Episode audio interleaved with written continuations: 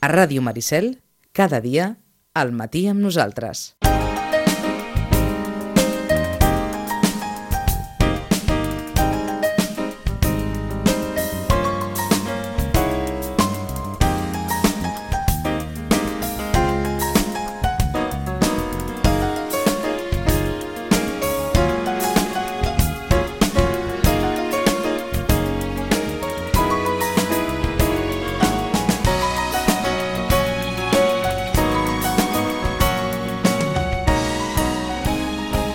La biblioteca que viu aquells dies tan bonics de nens i nenes llegint, llegint, llegint a dojo a la Marató de Lectura perquè s'està acabant el mes de maig, perquè el mes de juny arribarà aquesta festassa que sempre donarà els premis dels guanyadors o guanyadores, tot i que tots guanyen, de la Marató de Lectura. En fi, que vivim aquells moments, diguem-ne, de la recta final del curs escolar i a la biblioteca també també es nota molt. Són Soles, bon dia, bona hora. Bon dia. Marta, bon dia, bona hora. Bon dia. Està això, suposo que amb una efervescència, eh? Doncs sí, sí, sí, al final s'han apuntat força nens, més de 80. Més de 90. Més de tenim 90. Ja. Més de 90. Sí, sí, sí. I actualitzant hem el rànquing. Hem superat l'any passat. És el que anava a dir, això és més que l'any passat, no? Sí, sí, sí. D'acord. Així que estem molt contents. I Tenen de temps nens fins a final de mes, no? Fins a Són final de soles? mes, sí, sí, sí. I la festa serà el dia 2 de juny, el divendres 2 de juny, que tenim unes quantes sorpreses preparades, o sigui que continuen llegint molt, que hi haurà moltes coses molt xules.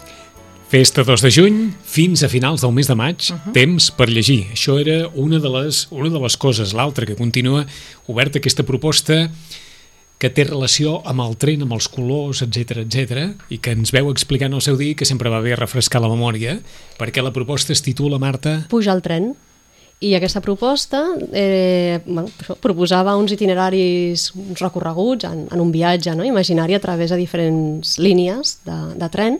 Cada línia és una línia de- d'un color diferent i amb un tema diferent, llavors Mhm. ja si no recordo malament la de la por, la de la Humor. fantasia, humor, eh, relats més reals, no? Sí, de, hàbits. Ahà. hàbits i temes Cada més color del és un dia a dia. tema, eh? Exacte. I els participants, que eren nens i nenes, poden ser nens i nenes més grandets, que les del Marató de Lectura, no? i abarcaven fins a secundària també, i la proposta era aquesta, doncs, apuntar-se, fer aquest recorregut, baixar la parada que volguessin, canviar de línia, de color i de tema, per tant, quan volguessin, fer-se un recorregut a la seva mida, i llavors cada vegada que acabaven un llibre el tornen a la biblioteca, se'ls hi posa un segell en el seu bitllet de tren, Sí, els que hagin arribat a tenir quatre, quatre parades marcades entren en un sorteig d'un premi, que també donarem el mateix dia 2, després de repartir els, Que els també, premis de la Marató, serà- o abans, no sé com ho farem. anava a dir, això serà, això serà més llarg que els diplomes del corpus, Sí. eh? Perquè teniu premis propostes per, per tot aquest any, eh? Doncs sí, sí. Per tant, aquella tarda serà El una 2 tarda de molt juny, la especial. tarda del 2 de juny, també Sí. es donaran allò els obsequis d'aquesta, Mhm, diguem-ne, exacte. d'aquesta altra proposta de puja al tren. Mhm. I a més a més, el 2 de juny, paral·lelament, els participants al Club de Lectura estaran a Sant Pere de Riu de Bitlles Sí. amb la trobada amb l'autora protagonista d'aquest any dels clubs de lectura, no? d'aquesta trobada de la comarca que es fa amb els clubs de lectura, que tots els, els clubs de lectura de, Ah. de les biblioteques de Penedès i Garraf llegeixen el mateix llibre i fan la trobada amb, amb l'autora. Doncs estaran a Sant Pere de Bitlles fent aquesta trobada, per tant, La biblioteca estarà repartida. sí, ens repartirem no, amb els ja- adults Per i la els altres amb comarca. els Com, com es nota que és final de curs, eh? Sí. Sí, no Perquè passen, passen totes les coses alhora. Sí. Tots els llibres de Sant Jordi ja estan repartits. Ui, estan repartits. Estan repartidíssims, suposo, sí, no? Sí, molt. Sí, sí. El que teniu al cap, el que més ha sortit? Doncs ara mateix no. No. La, després la Marta farà Farem el una llistat mica, dels de, més prestats. una mica sí, de llistes, sí, sí, però, sí. però els de Sant Jordi, com ja es veia venir i elles mateixes ens havien dit, arribaran els llibres a la biblioteca i marxaran al cap de 5 minuts. I aquest any hi havia moltíssims. I aquest any hi havia que moltíssims, tots Sí. els que han arribat ja han marxat. Sí. Això no vol dir que no tornin, eh? sinó que Han de s'ha de fer llista. S'ha de fer llista. Vinga, l'agenda, són solers. Molt bé, doncs comencem amb l'agenda d'adults. Eh, tenim una activitat el dimecres 31 de maig a les 19.30 i serà una presentació del llibre de Carles Rabassa i el títol és Eren ells. I la presentació anirà de càrrec del Joan Duran i Ferrer. Eren ells ha estat guardonada amb el 26è Premi eh, Ciutat de Tarragona de novel·la i amb el Premi Ciutat de Barcelona de Literatura Catalana 2016. És la primera novel·la d'aquest autor. Sigui que esteu tots convidats el dia 31 de maig a les 19.30 a la biblioteca. D'acord. No aquest dimecres, sinó el següent. El següent, sí. També es nota que va baixant una miqueta les activitats. També suposo que convé. No he parat, ja farem un recompte de tot el que, el que hem fet. I de contes infantils sí que tenim alguns més. Demà 19 de, de maig a les eh, 17.30 hores tenim Contes de la Mar Blava amb la Isabel Gomis. Aquesta sessió consta de tres contes que tenen com a fil conductor al mar, on es desenvoluparan les històries. I després dissabte, eh, aquest dissabte, dia 20, continuem amb els contes per nadons. Serà a les 11 del matí. Aquest any ho hem fet de forma trimestral i ha funcionat molt bé. Eh, a veure si ens podem plantejar per l'any que ve fer-ho més sovint, perquè tenim una afluència molt gran. Molt bona. És per nens i nenes de 0 a 3 anys i la Gisela Llimona, que és la contacontes, ens diu que abans de néixer, dintre de la mare ja se senten veus, sons, tonades. La maleta dels nadons també conté veus, sons, cançons, en forma de conte que és el, el que poden sentir els nadons per la boca de Gisela Llimona, i acompanyats amb els moviments, les carícies, els somriures i l'escalfor dels pares, les mares, els avis, els germans, en un ambient reduït en què el centre seran la literatura i els infants. Això serà aquest dissabte El a les 11 dissabte, exacte. i serà la darrera de la temporada. Sí, després continuarem al, al novembre. D'acord. Sí. I l'última del mes, el dia 26 de maig, acabem amb la companyia Pengem Penjam i el Conte al Regal. Aquesta companyia jo l'he descobert aquest any i és maquíssima perquè abans ho parlàvem amb la Marta, porten un muntatge sempre molt, molt maco i als nens els agrada que portin titelles, que portin sempre cosetes. I ens diu que un conillet de roba, fet de retalls i un tros de matalàs vell és el protagonista de la nostra història. L'àvia Serafina, amb molt d'amor, el va fer per en Pepus, el seu net. Podrem veure les peripècies i aventures d'en Felip, el ninot estimat d'en Pepus, quan és rellevat per una altra joguina. En Felip, però, no es rendeix. Mira endavant i busca la manera de recuperar l'amistat del seu company de joc. Una regressió a la infantesa dels adults amb molta tendresa i emotivitat, on els infants podran viure els seus jocs i, i els dels seus pares. El regal és un espectacle, un espectacle amb un missatge optimista i positiu de la vida, creat amb molta simpatia, on els petits i grans se sentiran identificats. I aquest conte està, està inspirat en el, conte, en el conte El titella de roba de Michael Ende. Michael Ende és l'autor de La història interminable, mm -hmm. per exemple, i Jim, Jim Button. 26 de maig. 26, ja l'última del mes de maig. déu nhi Quina agenda també, eh? I això abans d'arribar, com us dèiem, el 2 de juny, que és el dia de la festassa, La de la Marató de festa. Lectura, etc etc. Què més hi afegim, Marta? Afegim Vinga. el tema de Corpus, el taller de Corpus. Recordem que es, estava, es prepararà una catifa vertical al Miramar i per fer-la, aquest taller serà el dia 10 i 11 de juny, i per fer-la doncs, hi ha dos passos previs. Un, que els nens i nenes que estiguin interessats en participar s'inscriguin a la biblioteca, i l'altre és que ens ajudim a realitzar aquest taller portant material, material Ahà. de reciclatge que segur que hi ha per casa. D'acord. Primera ampolles- consideració, Mm, dissabte dia 10, diumenge dia 11, Mhm. es farà aquesta catifa vertical. Exacte. Que aquesta és la gràcia de la catifa, eh? Mhm. Catifa vertical al que és el, el pati d'entrada de l'edifici Miramar. Mhm, Molt bé. Exacte. Uh, aleshores, inscripcions a la biblioteca i, si poden, portar material tant els participants com Quin- qui vulgui. Eh? quin Això està tipus- quin tipus de material? Necessitem res, dues coses molt senzilles. Bosses de plàstic, encara que ara s'han de pagar, però per casa sempre n'hi ha. les que puguin haver a casa. Exacte, eh? bosses de plàstic i ampolles de plàstic també d'aigua, de les grans, de les de, Les de litre i mig. Han de ser d'aigua? No poden ser de cap No al- cal, poden ser d'una altra beguda, Poden però que ser sigui de litre i mig. D'acord, Sí. ampolles de litre i mig. Sí, de beguda, exacte. eh? No val detergent, no val... No, no, no. No, han de ser de beguda, eh? El- De beguda. sigui aigua, sigui un refresc, sigui el que Exacte. sigui, Mm. i ampolles de plàstic. Exacte. No val vidre, plàstic. Mhm. eh? D'acord, amb Doncs, això es confeccionarà Amb això es confeccionarà aquesta catifa. Catifa sorpresa, Sí. perquè veure què surt. El taller es farà dissabte dia 10, diumenge dia 11, Mhm. diumenge dia 11, en aquest cas és el diumenge de... és el diumenge anterior a Corpus. Exacte. El diumenge anterior a Corpus. Mm? Que quedi clar que no, no és el diumenge de Corpus, que és el 18, el dia 11, el dia de la Trinitat, es farà aquesta catifa a l'edifici Miramar. Qui vulgui, doncs això, inscriure's Mhm. a la biblioteca.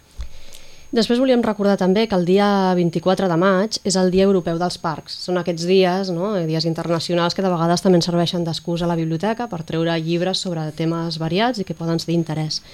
I destacàvem aquest, aquest, aquests parcs, aquests parcs que aquí a Sitges estem envoltats, siguin del Garraf, siguin del Penedès, no? com el Parc del Foix, el de Blerdula o el, de, Mhm. el del Garraf, i per tant doncs, és una bona excusa també per, bueno, doncs, per passejar-hi, ara que fa bon O temps. sigui, doncs... dimecres que ve és el Dia Internacional Mhm. dels Parcs. Sí, Dia Europeu dels Parcs.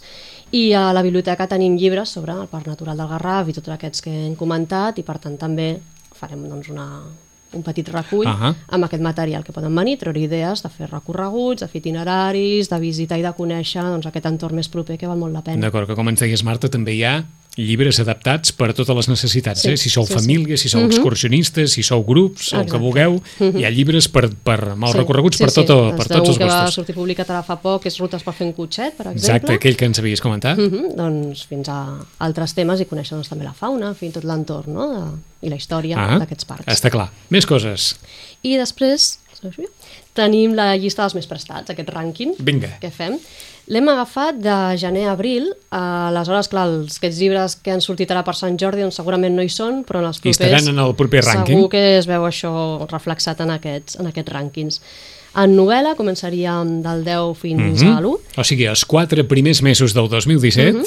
els llibres més prestats a la biblioteca, novel·les, són... Uh -huh, són. En el número 10, un autor de novel·la negra nòrdica, aquests que tenen molt d'èxit perquè bueno, la novel·la nòrdica és molt potent no? i ha fet tota una, una corrent mm, això, no? amb molta producció. El títol és Crímenes duplicados i l'autor és Michael Hort, novel·la negra nòrdica.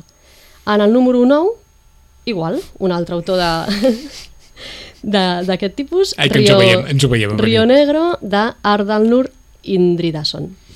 En el número 8, aquí sí que canviaríem una miqueta la temàtica, el títol és Mujer bajando una escalera. L'autor és Bernard Schlick i tracta sobre una dona que baixa una escala i és la protagonista d'un quadre. En aquest quadre, doncs, aquesta senyora que, parla, que, que baixa aquesta escala i aquest quadre porta dècades de, desaparegut, que no se'n sap res. I a més a més havia format part de la vida de la persona que ens explicarà la història d'aquest quadre. Mhm. En el número 7, una autora que és també un clàssic, la Irene Nemirovsky, i el títol El maestro de almas. El número 6 segueix la Dolores Redondo, d'aquestes de bestseller i més Incombustible. prestats. Incombustible. Todo esto te daré. És el títol d'aquest- d'aquesta novel·la que se situa en el número 6.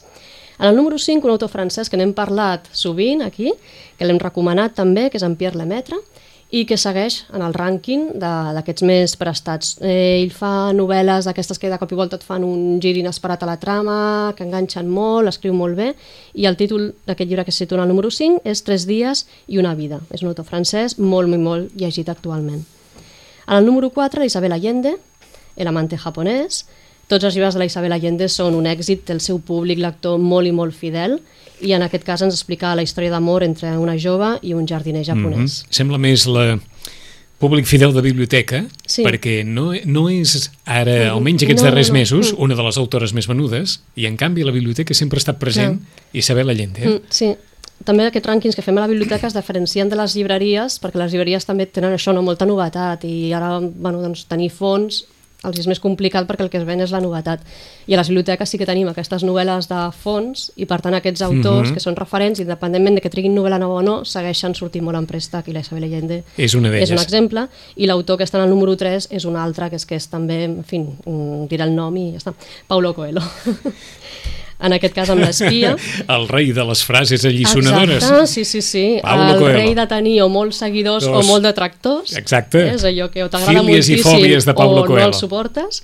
Vaja, és que, diguem-ne, s'ha utilitzat, utilitzat tant en autoajuda Sí, que, que Sí. suposo que això també ha generat una certa... exacte. Eh, les sí, frases sí. de Paulo Coelho Clar. o allò, les reflexions Sí. en veu alta de I Paulo després Coelho. l'enorme producció que té, no? I de dir, bueno, realment els escriu ell, pot arribar a aquest nivell, d'aquest ritme no? de- d'escriptura. En el número 2 torna a sortir en Pierre Lemaitre, que comentàvem, i la novel·la és Vestido de nòvia. És un d'això, no? que ha funcionat molt i molt bé, de, de boca a orella, està sortint molt en préstec, en 4 mesos ha fet 10 préstecs, que està molt bé, té llistes de reserves, i de fet a la biblioteca tenim més d'un exemplar per, Per allò, per Sí. cobrir Mm. la demanda. i en el número 1, doncs, una, una autora que també s'ha fet versió en pel·lícula i per tant ha donat més empenta també al llibre, i el títol és La xica del tren, amb 13 préstecs en aquests 4 Que mesos. ja va ser llibre del Sant Jordi sí, de l'any sí, passat. Sí, sí, sí, és que és també d'aquests que se segueix llegint moltíssim, moltíssim. L'autora és la Paula Hawkins.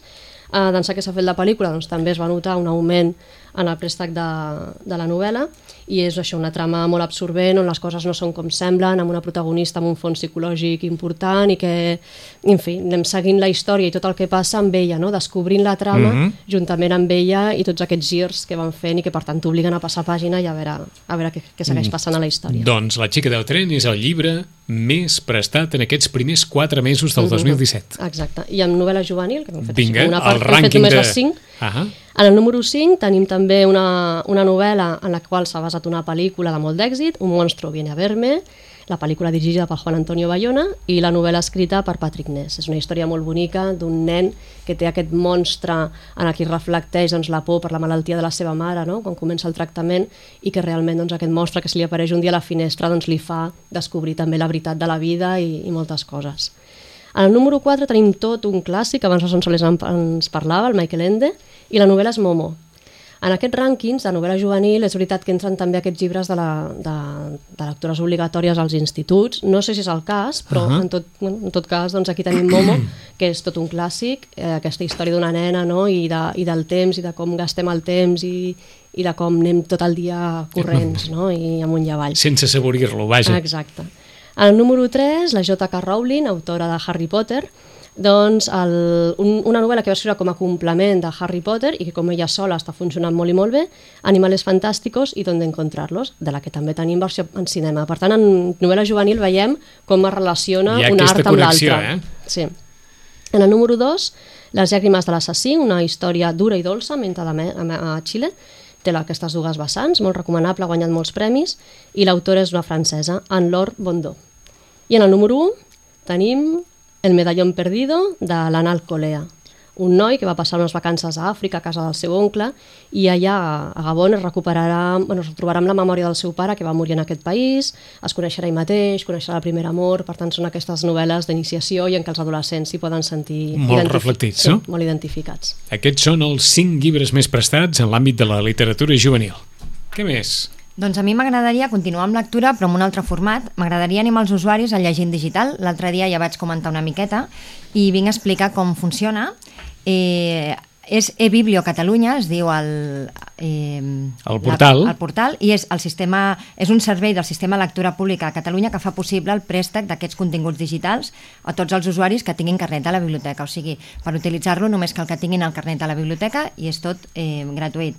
Es pot accedir a aquests continguts a través de diferents dispositius, com són els ordinadors personals, els lectors de llibres electrònics, les tauletes o els telèfons intel·ligents. Uh -huh. El servei està disponible a través de l'adreça catalunya.ebiblio.cat i també s'hi pot accedir descarregant l'aplicació eBiblio, que està disponible per Apple i Android. Què puc trobar a l'eBiblio? Doncs a l'eBiblio ofereix una col·lecció molt àmplia de novetats editorials de diverses temàtiques, com ara eh, obres de ficció per públic adult i públic infantil, també còmic, narrativa, poesia i teatre, i també obres de no ficció, també per eh, públic adult, infantil i juvenil, que inclouen obres de ciències socials, desenvolupament personal, esports, informàtica, viatges, mm -hmm. tot tipus de, de matèries, com podem trobar a les biblioteques en, o sigui, paper. obres íntegres, eh? Íntegre, el llibre, el sí, llibre sencer. Sí, es pot llegir en streaming o tu pots, eh, tu pots descarregar. Tu pots descarregar. Eh, qui pot fer aquest ús? Doncs qualsevol persona, com hem dit abans, que disposi del carnet i es poden agafar un total de 4 préstecs a la vegada i es poden tenir en comptes de 30 dies, com és el servei de la biblioteca amb, del llibre en paper, només 21 dies. Mm -hmm. val? Llavors, l'usuari podrà renovar els préstecs a, eh, a través del seu espai personal quan faltin tres dies perquè venci el préstec. D'acord. Una, una pregunta molt bàsica. Sí. Si te'l descarregues, sí. Eh, en principi... No, hi ha un sistema que després eh, es torna automàticament. Ah, sí. Sí, és sí, a dir, sí. no te'l quedes no tu te al llibre, eh? Tu pots tenir... Ho, ho preguntava per, per sí, això, sí, són sí, sí. És a dir, no, tu no et quedes el llibre, No diguem-ne, en propietat No. per poder-lo llegir quan vulguis, sinó que encara que te'l descarreguis, hi ha un sistema que inutilitza aquest arxiu un Exacte. cop passi 21 dies. 21 dies. Sí. És un préstec. Però És ho- un préstec. Ho pots llegir eh, des de diferents... Sí, sí, aleshores Sí, tothom tu pots anar per tot arreu amb aquest arxiu descarregat. Pots començar eh, amb, un, amb l'ordinador personal i després, si vols continuar a la tablet, entres i, i a continuar allà el teu llibre. D'acord. I una de les coses eh, que s'han afegit ara fa molt poquet són eh, revistes. Ara no només hi ha llibres, sinó que també hi ha revistes. I tinc aquí un llistat molt gran, us diré Tota- unes quantes. totes aquestes revistes estan disponibles? Sí. sí, sí, en castellà, per exemple, tenim Arquitectura i Diseño, Clara, Cocina Fàcil, Cuerpo Mente, Fotogrames, Geo... O sigui, hi ha un ampli ventall de revistes i en català, doncs, per exemple, el Cuina, Descobrir, eh, El Temps, eh, Experiències Descobrir, Guix d'infantil, l'Avenç, Món Empresarial, o sigui, ha de Ahà. totes les temàtiques. Bé, ho anàvem a dir, Sí, perquè sí. aquells que es puguin plantejar doncs, comprar una revista Exacte. mensualment d'aquest tema que els interessi, sàpiguen sí. que aquí tenen la, la revista disponible durant 21 dies, Durant també? 21 dies, el préstec és el sí, mateix, no, sí, Sonsoles? Sí. I després, bé, les estadístiques de l'any passat ja comença això a funcionar bastant bé. Es van fer més de 105.000 préstecs realitzats per 14.820 lectors, o sigui que cada vegada això mm, va més. D'acord. El que no sé és com si ens deies si hi ha un costum de llegir tant en Mm. una pantalla, tantes pàgines, tant de tot, o... Bé, jo crec que és com tot, no? El món avança, les biblioteques hem, hem d'avançar i això és un recurs que cada vegada més, sobretot molta gent que viatja cada dia, que va a Barcelona amb el tren, Esclar, que surt molt diu, més. Que és, mm, clar, a mi m'agrada molt llegir en paper, però he d'anar carregat amb el llibre i llavors és molt més fàcil, amb el mòbil mateix, que sempre el portes, doncs vas llegint i en qualsevol moment, si estàs esperant el metro, l'autobús, pots treure'l i, i és molt fàcil, la Ahà. veritat. Ens tornes a repetir l'adreça? Sí, Aquesta adreça de- d'internet per qui vulgui després que conèixer tota la informació, totes les possibilitats. L'adreça és- mare és aquesta. catalunya.ebiblio.cat i qualsevol persona que estigui interessada pot venir a la biblioteca i nosaltres els Els ensenyarem com tots els funciona. passos, eh? Però en què tingueu el carnet de la biblioteca, tot això Ja es pot accedir. d'una forma gratuïta, absolutament gratuïta. Mhm. Acabem amb els horaris? O hi ha alguna cosa més abans? Sí. No, eh, els horaris Doncs de moment vinga. fins a l'estiu continuem igual i és de dilluns a divendres. Hasta nueva orden. Sí. Després eh, ja Després ja està comentarem el veure. d'estiu. Sí. Però eh, fins a l'estiu, els de, horaris... De moment és de dilluns a divendres de 9 a 2, de 3 a 2 quarts de 9 del vespre i els dissabtes de 10 a 2 quarts de 2. Sonsoles, gràcies. Marta, gràcies. Gràcies. Gràcies.